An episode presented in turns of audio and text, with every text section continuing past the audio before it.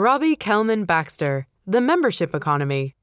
Find your super users, master the forever transaction, and build recurring revenue. Imagine always having access to a new, clean car without worrying about having a garage or paying taxes for it. Doesn't sound bad, right? In our modern networked world, this is the reality for an increasing number of people who simply want access to a product rather than ownership of it. The result is that more and more companies are changing their business model from a customer based to a membership based one. These blinks explain the membership business model and outline the workings of modern membership organizations. Based on real world examples of companies that successfully use the membership business model, you'll be provided with handy tips on how to transform a traditional ownership oriented company into one oriented around membership. Blink number one Internet powered businesses offering customers access rather than ownership are on the rise. Just 15 years ago, pretty much everyone had their own collection of CDs and movies. Today, that's no longer the case. Obviated by services like Amazon Prime, Netflix, and iTunes, such collections now seem slightly decadent. With the unprecedented global access to media provided by the Internet, a new business model, that of access oriented streaming services, now dominates the market. The advantage of this model is that it allows us to bypass all the responsibilities and costs associated with ownership. But it's a big shift because the traditional economy is built around the principle of ownership. When customers buy things under the standard system, they can do whatever they want with them. Just think of owning a car. You can paint flames on the side or adjust the chassis. But of course, there are also costs. If the car breaks down, you have to fix it. You also have to pay taxes and secure a parking spot. But what if you only need a car once or twice a month? Renting might be the best solution. That way, you'd have access to a car when necessary, but not have to bear the responsibility or pay the costs of ownership. Fortunately, the internet makes this kind of access easier than ever before. And over the past few years, new web powered companies have emerged, giving their customers convenient alternatives to ownership in almost every sector. For instance, Zipcar members have access to a fleet of company owned cars. Using a slightly different approach, Relay Rides pairs car owners with those who want to rent a vehicle. Similarly, you can rent movies on Netflix or book a temporary room through Airbnb. Crucially, for companies specializing in access, the focus changes from products, the traditional economic model, to customer. More specifically, the customer is no longer merely a client but a member, as we'll see in the upcoming Blink. Blink number two membership oriented businesses create an ongoing relationship between company and customer. Imagine going to a store to buy a hammer. After you've paid for it, your relationship with the shop is over. This is the classic model of customer interaction. The membership model, on the other hand, is different. When customers commit to a company, they get all the benefits and responsibilities of an ongoing relationship. This relationship could be determined by a subscription, as with Netflix, or a user ID, think of Facebook, or with a simple membership card, like what you'd get at the gym. What's important is this in the membership economy, the relationship between customer and company changes. Unlike traditional customers, members have a stake in the company. The advantage of this model is that both parties gain something from the relationship, but they also have to provide something. Netflix provides access to movies, but customers have to pay for them. Facebook grants members access to a dynamic social platform in exchange for customers' personal data. As we've hinted, companies in the membership economy come in many different forms, and we can break them down in four basic categories digital subscriptions. Online businesses like Netflix ask members to pay a recurring fee to access content, features, or services. Online communities. Platforms like Facebook or LinkedIn create networks around shared interests or goals. Offline loyalty programs Brick and mortar businesses like Starbucks track and reward loyalty, perhaps even providing discounts for frequent shoppers. And finally, traditional membership economy companies, like banks or phone companies, these membership oriented firms predate the internet. To use the service, customers must set up an account. Once you've settled on which form your company will take, you've got to attract members. We'll look at how that's done in the next blink. Blink number three attract new members by setting up and refining an effective acquisition strategy. As we've discussed, members are the meat and potatoes of any membership oriented business model. But how does a company attract members? Well, you just need the right acquisition strategy, and soon enough members might start recruiting new ones all on their own. An optimal acquisition funnel will follow four phases. We call it a funnel because the first or top phase tries to include as many people as possible.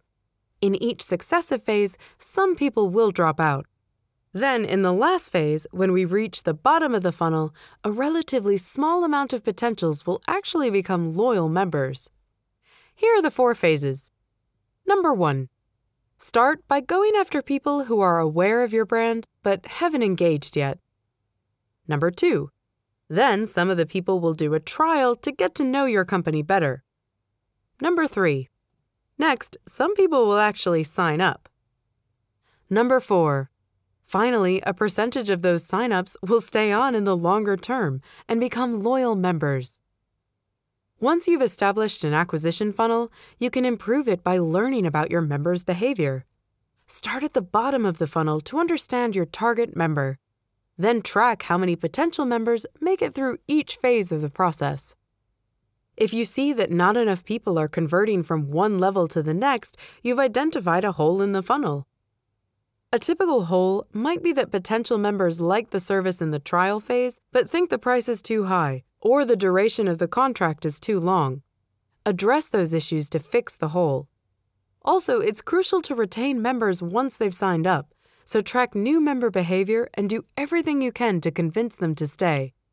Typically, someone who keeps their membership for at least 30 days will end up staying for much longer. Link number four implement the right onboarding strategy to retain new members and transform them into super users. Imagine if Facebook and Pinterest had zero members. If no one posted or pinned content, the platforms would basically be worthless. And that's the thing about membership organizations. If members don't regularly participate, the companies fall apart. That's why you need a good onboarding strategy that kicks in right after you sign up. Typically, onboarding should progress through the following three phases. Number one, remove friction. Make the registration process as easy as possible. You don't want to lose potential members because the trial or sign up phases are either faulty or overcomplicated. Number two, deliver immediate value.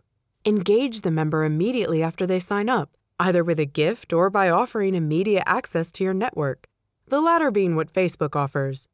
During this stage, you should also ask new members for feedback and be responsive to their critiques. Number three, reward desired behaviors. If you want your users to refer new members, reward them for doing so. This will increase their loyalty while also improving the likelihood that they'll refer others in the future. The point is, with the right techniques, you can create super users, members who are particularly devoted to your company, meaning they create lots of content, help other members, and attract new ones. And there are three basic rules that can help you gain more super users. Number one, make it easy by providing meaningful benefits to your members from the moment they sign up. For example, offer an easy to follow tutorial. Number two, make it personal by showing that you care about your members. Stay in contact with them.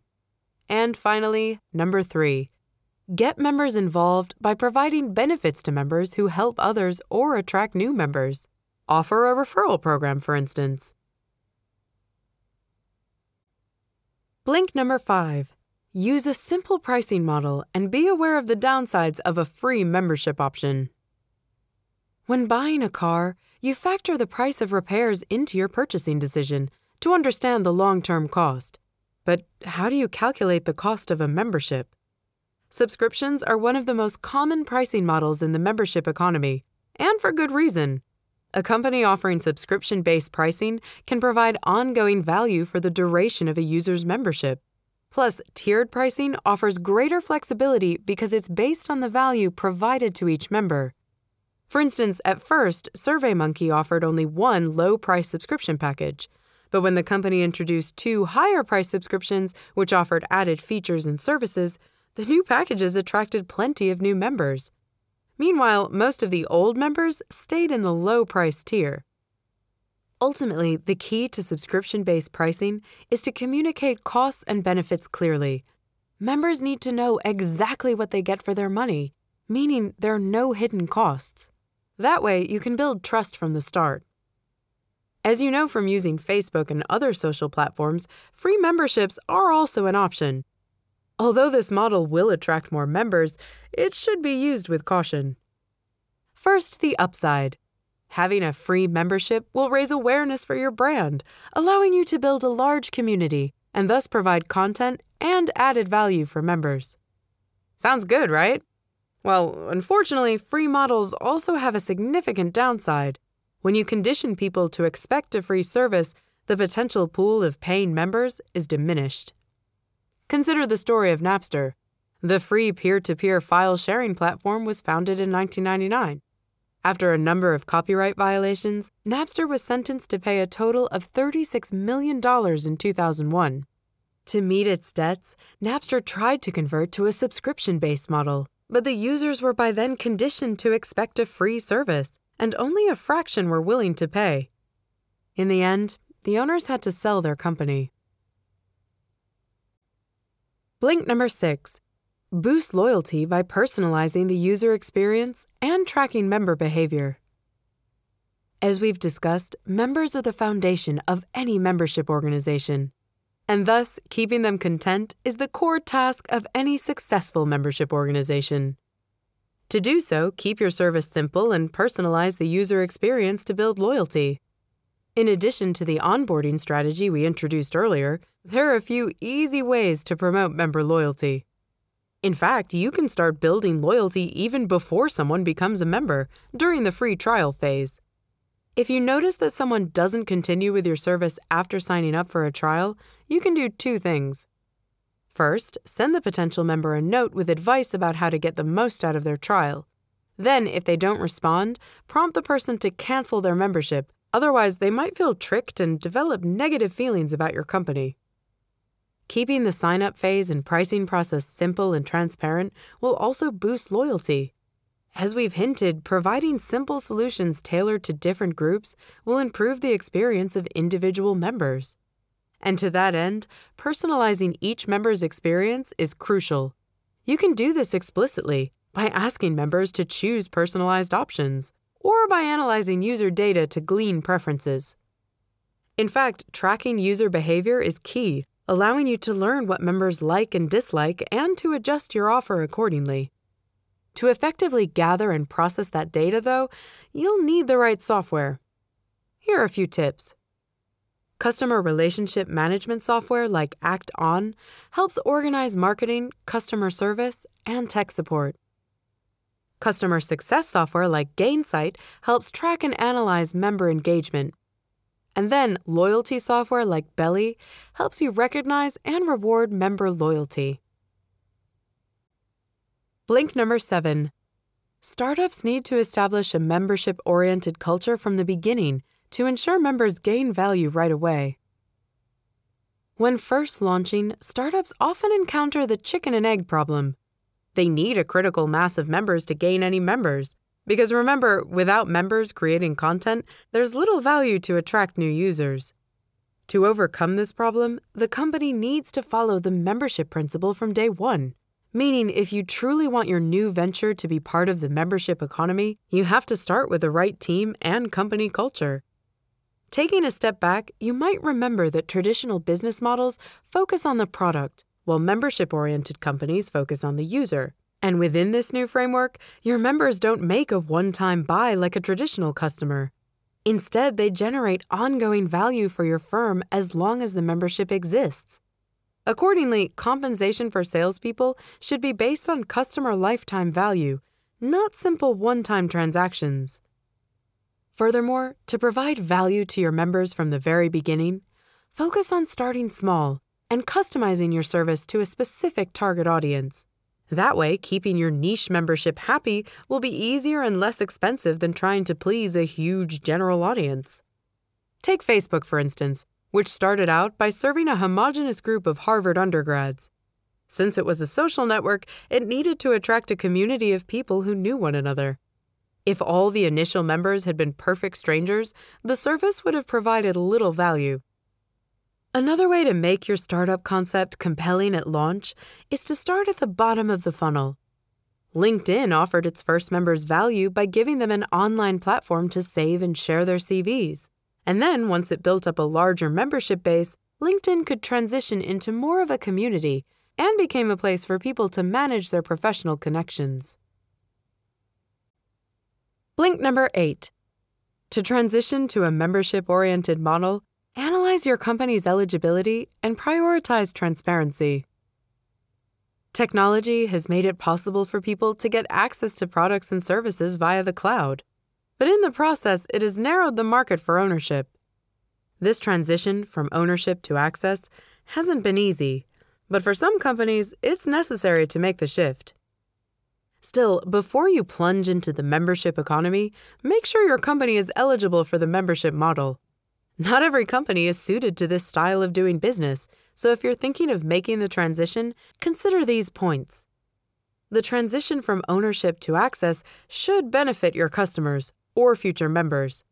If it doesn't, they'll leave. Benefits might include lower risk, lower upfront expenses, and lower maintenance. You should also research the membership market in your sector to make sure it's not already saturated with the product you offer. Just think how hard it would be to launch another social community like Facebook. If you do move forward with the transition, some dropouts are inevitable, but you can reduce their number. Start by adjusting your pricing to reflect the new membership approach. People aren't paying to own, but rather to use your product for a finite amount of time. And make sure your product is suitable for the access model. Consider Adobe. In 2013, the company shifted from selling its software as a physical disk to adapting a cloud based subscription model. The firm now offers its product for access by allowing its members to access the software from anywhere, simply by logging into the Adobe Creative Cloud. Finally, transparency is the key to member retention during a transition. Clearly communicate all benefits and drawbacks to your stakeholders. That way, your move into the membership economy is sure to be a success. Hey, thanks for listening to our Blinks to the Membership Economy by Robbie Kellman Baxter. The book's key point is this To stay competitive in a membership oriented business world, you need more than a basic company homepage. Your whole organization needs to be built around the concept. If you fully commit to a membership model, put the right strategy in place to gain and retain members, appropriately price your product, and track user behavior, your business will prosper. Gary Keller with Jay Papasan. The One Thing. The surprisingly simple truth behind extraordinary results. Blink number one. Failing to think big can limit your opportunities. When Arthur Guinness set up his first brewery, he clearly had grander plans than producing a few barrels of stout.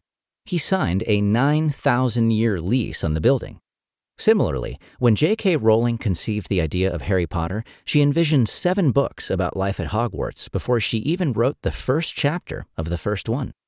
Both of these people went on to be extraordinarily successful, and this was in no small part because they were not afraid of thinking big starting out with a grand vision of success before even beginning to work toward it.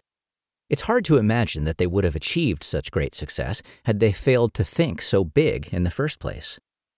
Yet, for most people, the thought of big ideas or big achievements is daunting and has negative associations, such as feeling overwhelmed and intimidated. These negative thoughts often prevent people from thinking big. When we fail to think big and allow these negative associations to dominate us, our thinking shrinks and we lower our trajectories. We actively limit our potential achievement, condemning ourselves to mediocrity. Consider science and how much progress would have stalled if someone hadn't dared to think of previously unimaginable possibilities, like that humans could breathe underwater, fly through the air, or explore space. History tells us that we've done a remarkably poor job of estimating our limits, so we should not let the limits we perceive constrain our aspirations. Success requires action, and action requires thought.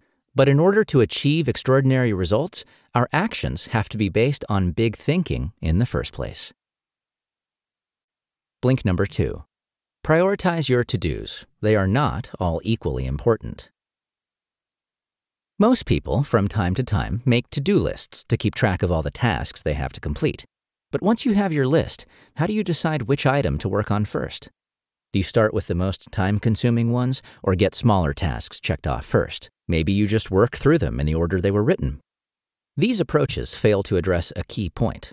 All items are not equally important.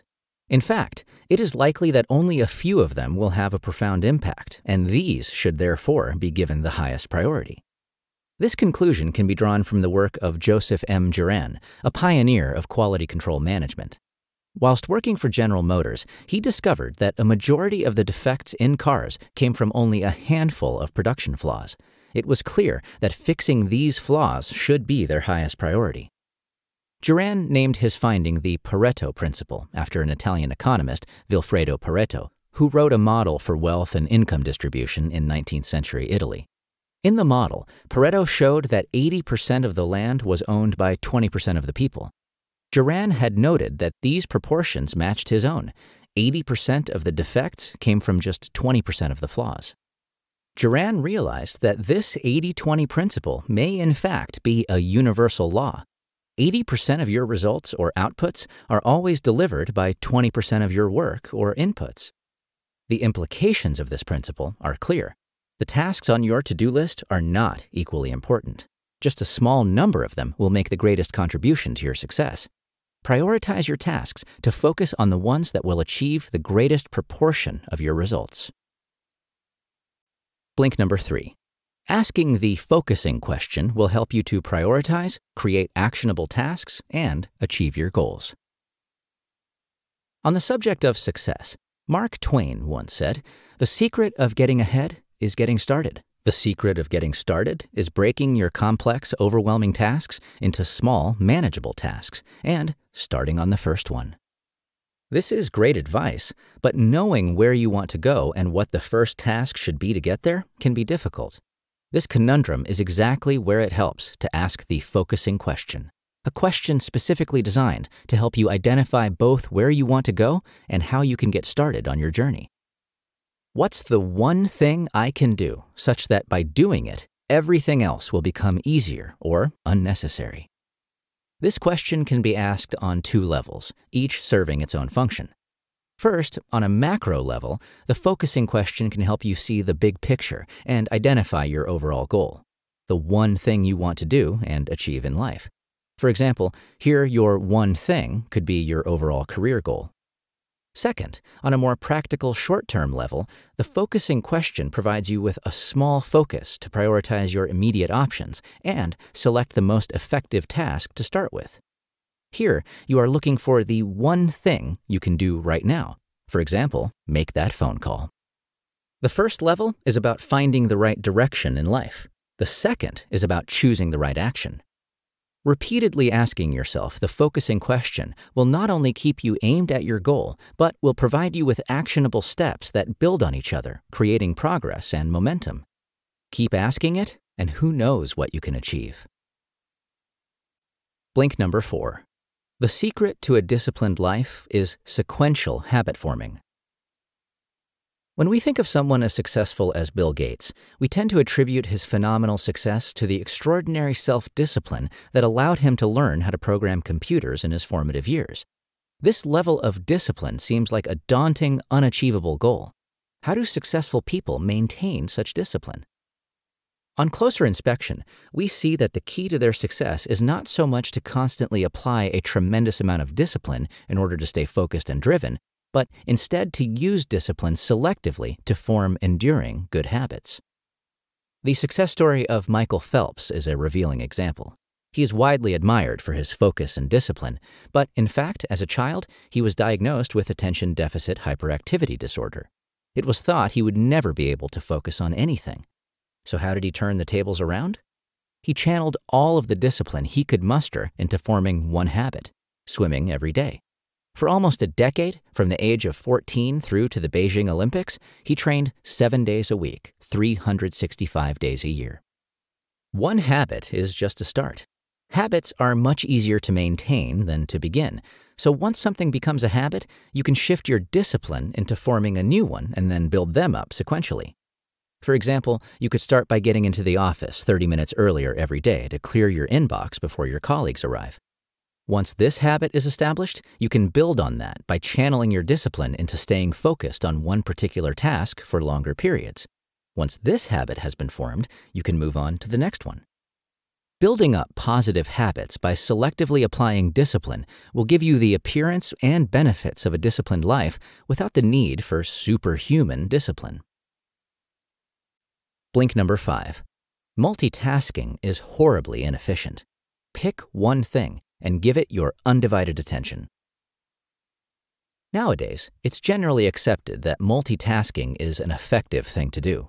We generally understand the term as meaning to do two or more things simultaneously. But it was originally coined to describe a computer using a single processor to work on multiple tasks, alternating back and forth between them in rapid succession, a distinction which, as it happens, is very revealing. Although we can do some things at the same time, for example, walking and talking on the phone, what we can't do is effectively focus on two tasks at the same time. This means that frequently, when we think we are multitasking, we are actually juggling two or more tasks, switching focus from one to the other, just as a computer does. Research has shown that for humans, such task switching exacts a time penalty, as it takes time to move from one task and then refocus on another. This time cost may be small in the case of relatively simple tasks, but it increases greatly when the task you are returning to is more complex. For example, if you are working on a complicated spreadsheet and a coworker interrupts you to discuss a tricky business problem, time will be lost when you switch back to the spreadsheet and struggle to remember where you were in the process and what you were trying to achieve. During the day, these time penalties soon add up, particularly in the work environment. It has been estimated that, on average, office workers are distracted every 11 minutes and spend up to a third of the working day recovering from these distractions. Can you really afford to lose a third of your working day? Figure out what matters most in the moment and give it your undivided attention. Blink number six. Your willpower is like a fuel tank. Choose carefully where you use it, or you may run out when you really need it. Most people are all too painfully aware that they do not have ironclad willpower. What is surprising, however, is that research has shown that our willpower, far from being a constant resource, actually drains at varying rates throughout the day, depending on what activities we engage in. For example, our willpower is depleted when we make decisions to focus our attention, suppress our emotions, or modify our behavior in pursuit of a goal. When our willpower has been drained, we are less able to exert it should further tasks call upon this resource. This would explain why you may be unable to resist a tasty snack after a period of making tough decisions or being engaged in tedious work.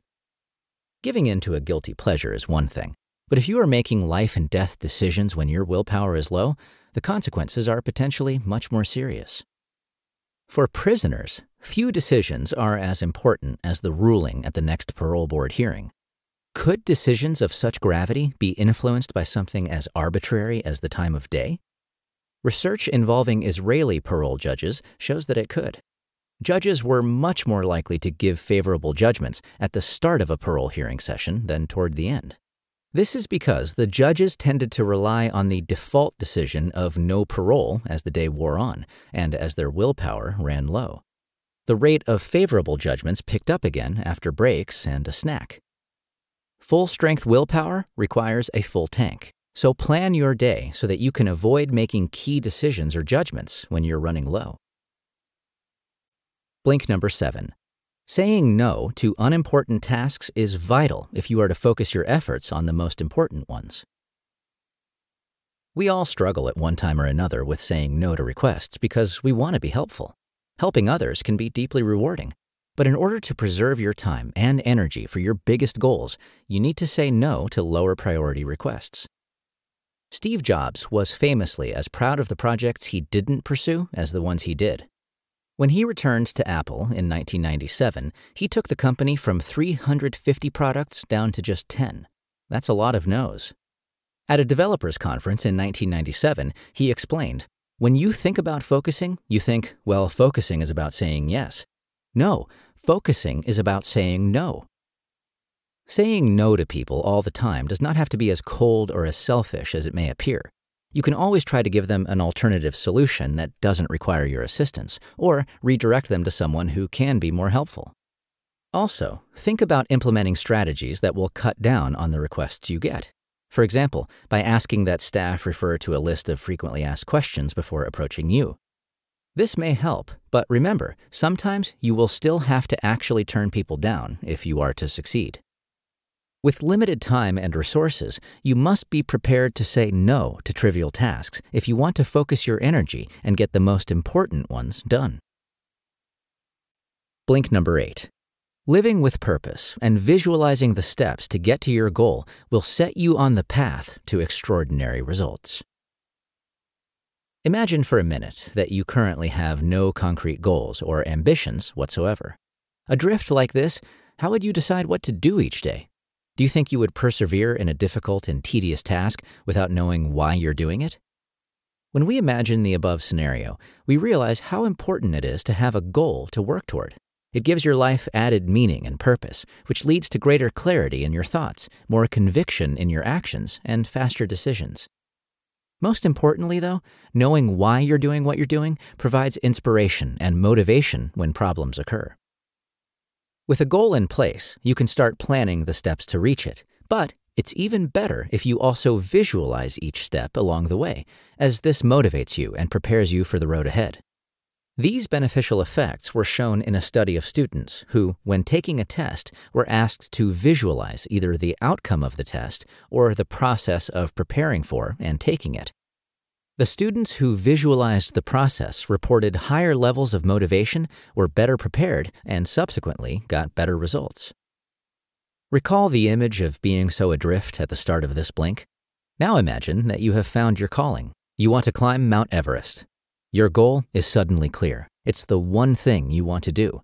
Now you need to do some research, start training, and get the right equipment. Thanks to your goal, you're already making plans, visualizing the steps, and progressing toward it. Defining a goal, the one thing we want to do and achieve in life, is something we should all strive toward. Blink number nine. Never compromise your personal life for your professional goals. Instead, prioritize your work time ruthlessly. We all strive to achieve a balanced life, to divide our time equally between all of the things that matter to us. But we do this without stopping to ask why and what it is that we are actually trying to achieve. It's understandable that we strive for balance because all of the demands in our work life and personal life seem so important. But in fact, this vision of a balanced life is unobtainable and undesirable. If you try to do everything, you will end up shortchanging everything in both your personal and your professional life. Author James Patterson encapsulated this dilemma when he said, Imagine life is a game in which you are juggling five balls. They are called work, family, health, friends, and integrity. And you're keeping them all in the air. But one day, you finally come to understand that the work ball is made of rubber. If you drop it, it will bounce back. The other four balls are made of glass. As the quote illustrates, we should never sacrifice priorities in our personal life when the pressure is on at work. The damage done may be irreparable. But if our personal life always takes precedence, how can we succeed professionally? The trick is to prioritize your work time ruthlessly to focus on professional goals. In your personal life, neglecting any area can be perilous. But in your work life, you have your top priority and everything else is negotiable. From time to time, lesser priorities will have to be minimized, be made to wait, or be managed by someone else until what really matters is done. This approach will allow you to focus on your most important work, giving it the concentration that is required to achieve great results. Blink number 10. To focus on your one thing, you need effective time management strategies and to accept some chaos in other areas.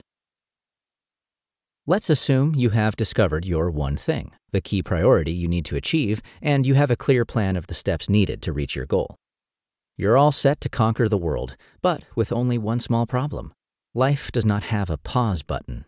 While you are beavering away working on your masterpiece, the world does not patiently wait for you to finish. Things stack up. There will always be other people and projects that demand your attention. Imagine you are working on landing a big contract. You'll need to make sacrifices. Your regular work is going to pile up or be delegated to colleagues. As the chaos builds up in other areas, so does the pressure to attend to them. Learn to deal with this by trusting that the work you are doing on your top priority will come through for you, and in doing so, will simplify other areas of your life. In short, let the chaos pile up. So now that you are focusing on your one thing, how do you make the most of your time? Schedule blocks of time to work on your one thing, commit to them, and defend them like they are your most important appointments. You also need to ensure that your physical environment doesn't prevent you from using this time effectively. Wherever you work, you need to minimize potential distractions. Consider working away from your office if this is not possible. Techniques such as these allow you to give your one thing the attention it deserves. You've just listened to our blinks to The One Thing by Gary Keller with Jay Papasan. The main message in this book is that success comes from focusing on one thing, not many things. When working toward your one thing, avoid the pitfalls that prevent you from achieving success. Learn how to cut through the clutter and do your best work where it really counts. Got feedback? We'd love to hear what you think. Send us an email to remember at blinkist.com. Bessel van der Kolk. The body keeps the score mind, brain, and the body in the transformation of trauma. We're all familiar with stories of traumatized war veterans who have experienced cruelty and pain, who have killed other people during combat, or who have witnessed the death of a fellow soldier. Often, traumatized soldiers cannot find their way back into society. They struggle with their memories, develop hypersensitive reactions, and become strangers to themselves and their loved ones. What happens in the body and mind of people who have experienced trauma? And why is it so difficult to find relief from it? In these blinks, you'll learn why traumatic experiences haunt us. You'll learn how trauma patients perceive their environment. Finally, you'll learn why there's hope for traumatized people and how trauma can be healed. Blink number one Trauma is incredibly common in our society. Trauma isn't just something faced by war veterans, it's far more prevalent in our society than we realize. The truth is that trauma can happen to anyone, and it's time we found out what this really means. Traumas result from an experience of extreme stress or pain that leaves an individual feeling helpless or too overwhelmed to cope with adversity. Experiences involving war typically result in traumas, but violent crimes and accidents cause them too. Rape and child abuse are terrible events, and they are also unfortunately more common than you might think. Reports reveal that 12 million women were victims of rape in the United States in 2014 alone, and that more than 50% of those women were under the age of 15 at the time of the assault. Every year in the United States, there are 3 million cases of child abuse. These traumatic experiences can change the lives of those affected, as well as the lives of their friends and family. Traumatized people often suffer from post traumatic stress disorder, PTSD, which can lead to depression and substance abuse. In addition, traumatized people tend to mistrust anyone who hasn't experienced the same suffering they have and assume that nobody can understand them. This was illustrated in one of the therapy groups the author set up for Vietnam veterans. While the group helped the veterans find friends and share their experiences, those who weren't traumatized by the war were considered outsiders by the group, including the author. It took weeks of listening, empathizing, and building trust with the veterans for them to accept him. Establishing a rapport with someone suffering from PTSD is a challenge on its own. So just imagine trying to maintain a marriage, a close friendship, or a stable parent child relationship. Traumatized people find it difficult to trust even those who love them most, including partners and kids. This can be very tough on friends and families, often leading to estrangement or divorce. Blink number two. Flashbacks cause people to relive the mental and physical experience of trauma when they're reminded of it. Do you ever remember something embarrassing you did and feel yourself squirm or blush? then you've got a tiny insight into how memories of trauma can impact the body. When a PTSD sufferer is reminded of their trauma, their body and brain enter a high stress mode, since they experience the memory as if it were real. This is called a flashback, an impact of trauma that the author studied in an experiment he carried out with his patients. Each patient agreed to listen to a recording of a script that recreated their traumatic experience. As the script played, participants inhaled air with a tiny concentration of radioactive particles. This air would be visible in a brain scan, allowing the author to see which areas of the brain were active when patients remembered their trauma. Marcia, a 40 year old teacher, was first up for the experiment. Her script took her back to the tragic accident that caused her to lose both her five year old daughter and the unborn child she was pregnant with at the time. As Marcia listened to the script, her blood pressure and heart rate rose sharply. Activity in the left half of her brain, the side responsible for rational thinking, slowed down and effectively deactivated. A deactivation like this makes it difficult for PTSD sufferers to realize that the things they hear, see, and feel during a flashback aren't real. In Marcia's brain, the Broca's area, the area responsible for speaking, showed a significant decrease in activity, leaving her unable to speak. Her stress hormone levels shot up and stayed high. For the mentally healthy, stress hormones will spike and then decrease as soon as a threat has passed. But for those with trauma in their past, these hormones take much longer to return to normal levels. This goes to show that being reminded of trauma can be almost as horrifying as experiencing the traumatic situation itself. Blink number three. Childhood trauma has negative impacts, not just in a person's youth, but well into adulthood too. Traumatic experiences are hard enough to deal with as an adult, but there is nothing more difficult than facing trauma as a young child. With brains that aren't even fully developed, children who undergo a trauma are at greater risk to experience a wide range of negative consequences. These consequences surface in the years immediately following their experiences and later in adulthood. Traumatized children often expect bad things to happen. The author demonstrated this in an experiment in which cards with pictures from magazines were shown to children who had experienced trauma and to those who hadn't. One of the cards showed two children watching their father fix a car as he lay underneath it. While children without trauma imagined a story based on the image where the father successfully repaired the car and took his kids to McDonald's, the traumatized children imagined much darker scenarios. One girl said that one of the children in the images would smash the father's head with the hammer he was holding. Another child said the car would fall, crushing the father's body. For these children, the pictures contained a number of triggers that led them to imagine the scene ending violently. These thinking patterns often persist into adulthood. Take Marilyn, one of the author's patients and a former nurse. She told the author she had a happy childhood, but this wasn't true.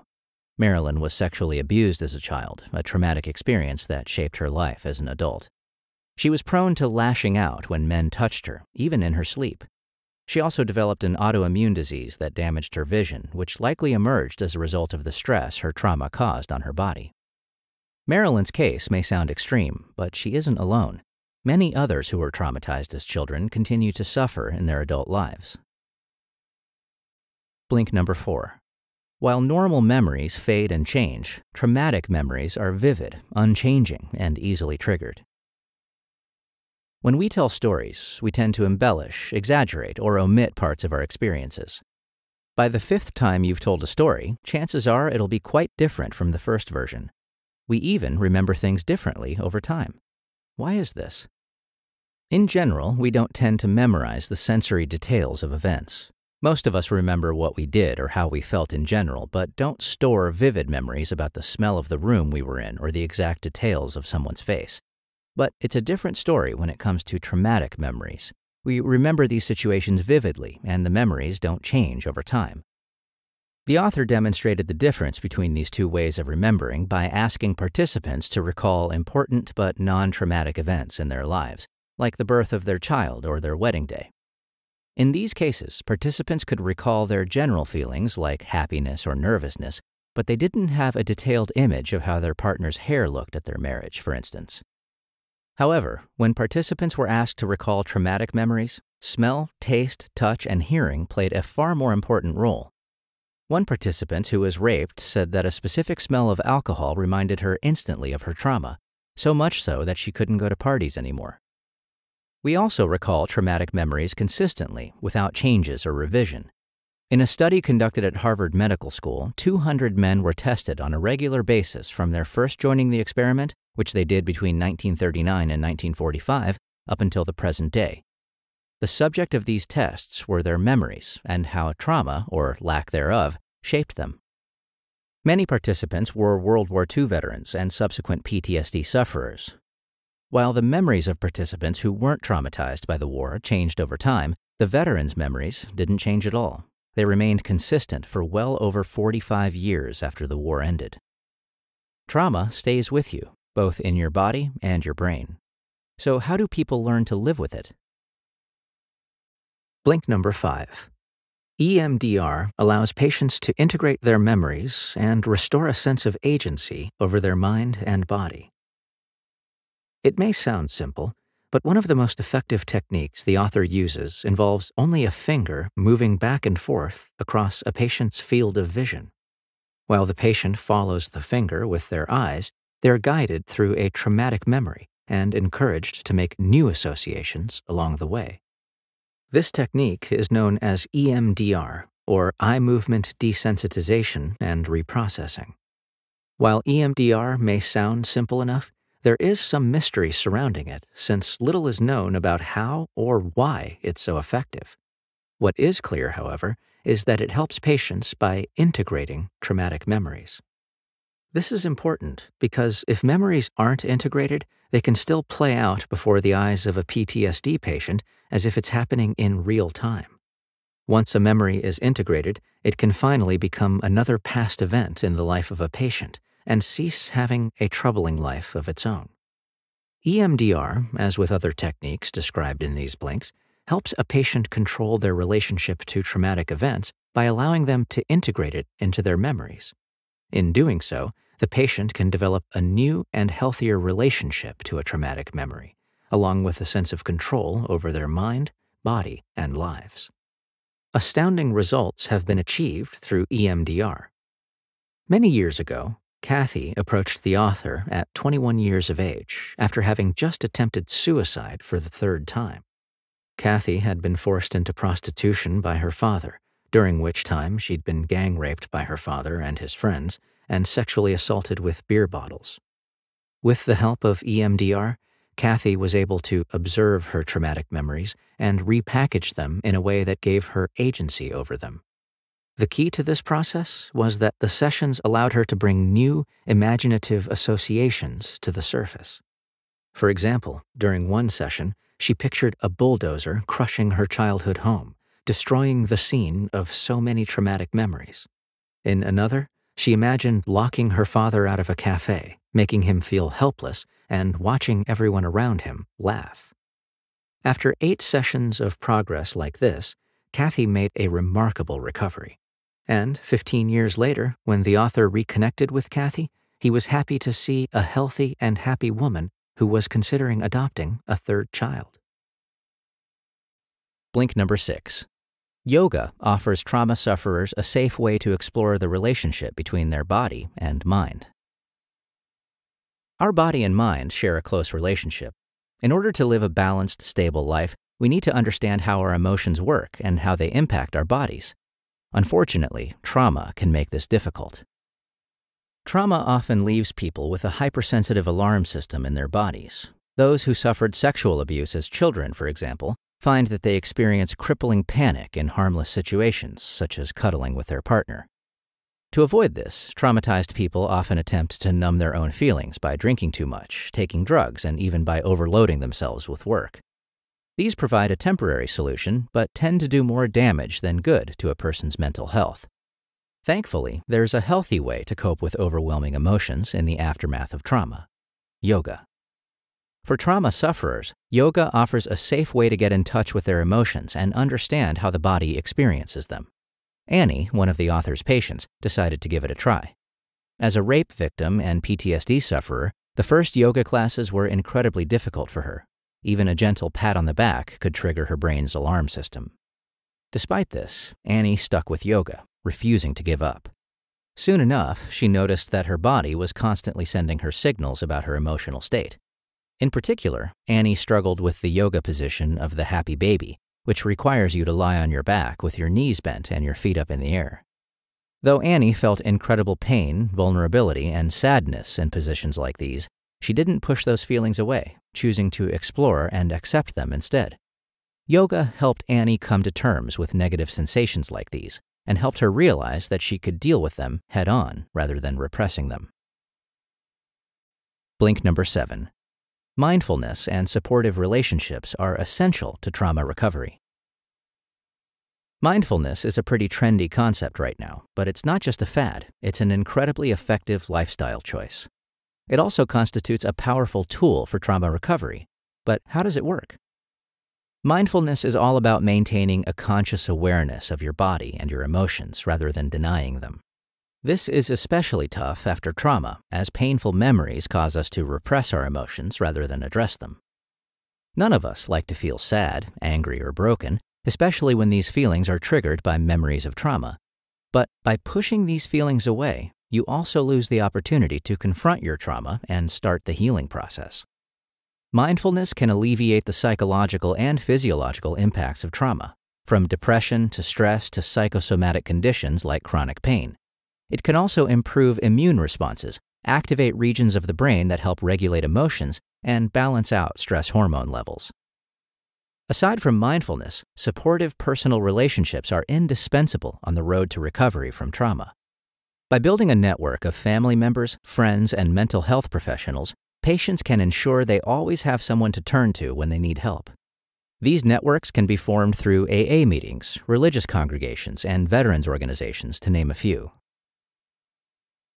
Blink number eight.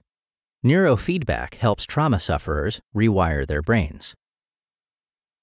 Did you know that electrical signals are responsible for just about everything that goes on in your brain? These brain waves govern our thought processes, so they're quite important. Unfortunately, they can also be damaged by trauma. Let's find out how. There are many different types of brain waves, one of these being alpha waves, which are triggered when we feel calm and relaxed.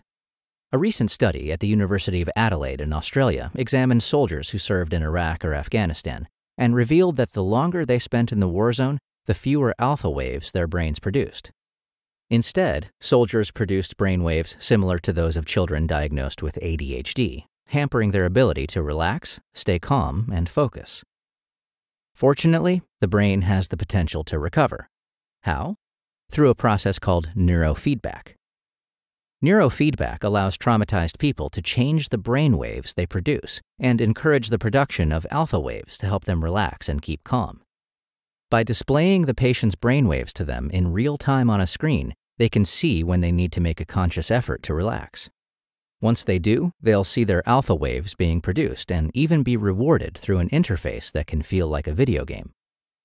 Take Lisa, a 27 year old woman and one of the author's patients.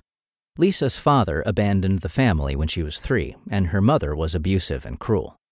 Lisa ran away from home twice and passed through several foster homes, mental hospitals, and even spent time living on the street. Years of trauma left Lisa with strong self destructive urges. She'd hurt herself and destroy the things around her, with little ability to regulate her emotions. But once she began neurofeedback treatment, things changed dramatically. With her newfound ability to produce alpha waves and consciously make herself relax, Lisa was able to talk about and work through the traumatic events from her childhood. Though neurofeedback has proven extremely effective, it's still rarely applied. Overall, our society has a long way to go when it comes to understanding and dealing with trauma. But with a broader acceptance of mindfulness and improved knowledge about mental illnesses in recent years, there is good reason to be optimistic about the future of mental health treatment. You've just listened to our blinks to The Body Keeps the Score by Bessel van der Kolk. The key message in this book is that although trauma can happen to anyone, not many of us know how traumatic experiences impact our mental and physical health, even decades after the event.